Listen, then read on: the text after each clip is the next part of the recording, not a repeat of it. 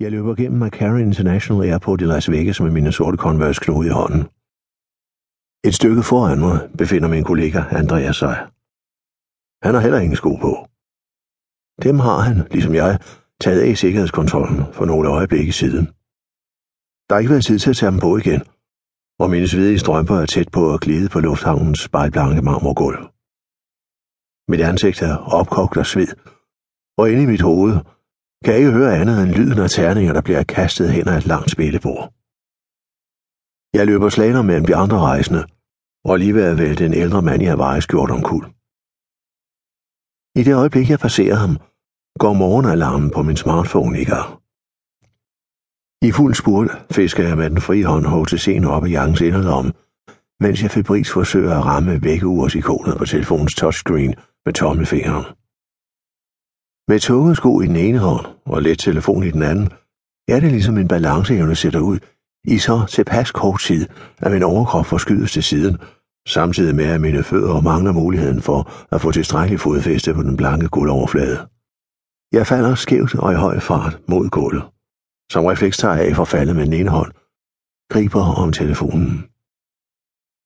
Der forplantes et stumt stød fra stenkullet via telefonen til min udstrakte håndflade, hvis nervetrådet sender et skarpt jag videre gennem kroppen. Liggende på maven sunder jeg mig et øjeblik. Min hånd er ok. Bare lidt øm. Værre ser det ud med OTC'en. Steltoverfladen er ridset, og glaspladen splindrer som et drivhus i en børnerig baghave. Jeg takker skønsomt et par backpackere, der betænksomt hjælper mig op. Hurtigt haster jeg videre i Andreas retning. Den telefon ligner et trafikuheld, når jeg at tænke uden at have den frem for inderlommen igen. Jeg køber en iPhone, hvis jeg når flyveren hjem. Det skal være min trøstepræmie, lover jeg mig selv. Uanset om mobilen i lommen virker eller ej. Folk virker mere forstående her. Men også er det bare noget, jeg i skynding bilder mig ind. Jeg tror, amerikanerne nyder rollen som den velmenende, men bestemte storebror. Du kan få lov til meget, men du skal vide, at det er på min måde. I den lange slange lige før check-in lod de rejsende foran mandligt vores decimerede gruppe smutte forbi. Det var Tine, der var forrest. Men hun har også børn og besidder en myndighed, der kan appellere til det bedste i folk. Eller også har hendes bestemte fremtoning bare været insisterende nok. Tina er jo sådan en kvinde, der er utrolig dygtig til at få folk omkring sig til at makke ret. Og det er på en façon, som man nærmest siger tak efter en endelig rettesættelse. Jeg tror ikke, at folk i Kastrup havde lavet os komme så hurtigt foran dem selv. Ikke uden videre.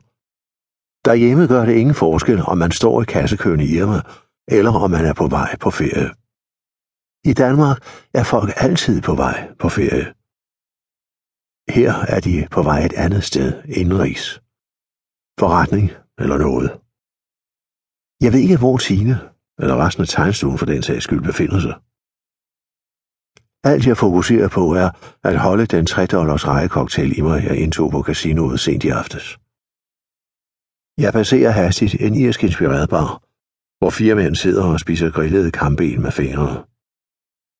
Sød rød sovs løber ned ad deres blege underarme og skaber en tydelig kontrast til barens mørkegrønne paneler bag selskabet. Nogle af kollegaerne er helt sikkert blevet hægtet af ved den selvbetjente check-in-skranke. Vi er så sent på den, at det ikke giver mening for lufthavnspersonalet at lukke os ind til gate. Men nogle af os er her alligevel.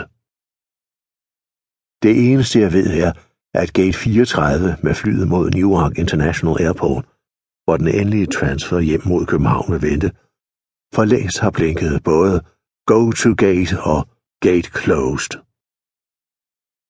Vi løber mod uret for ikke at skulle tilbringe endnu en overnatning her i ørkenen.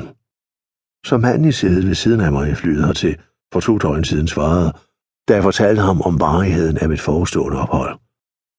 Two nights in Vegas. That's enough. Jeg er arkitekt af profession.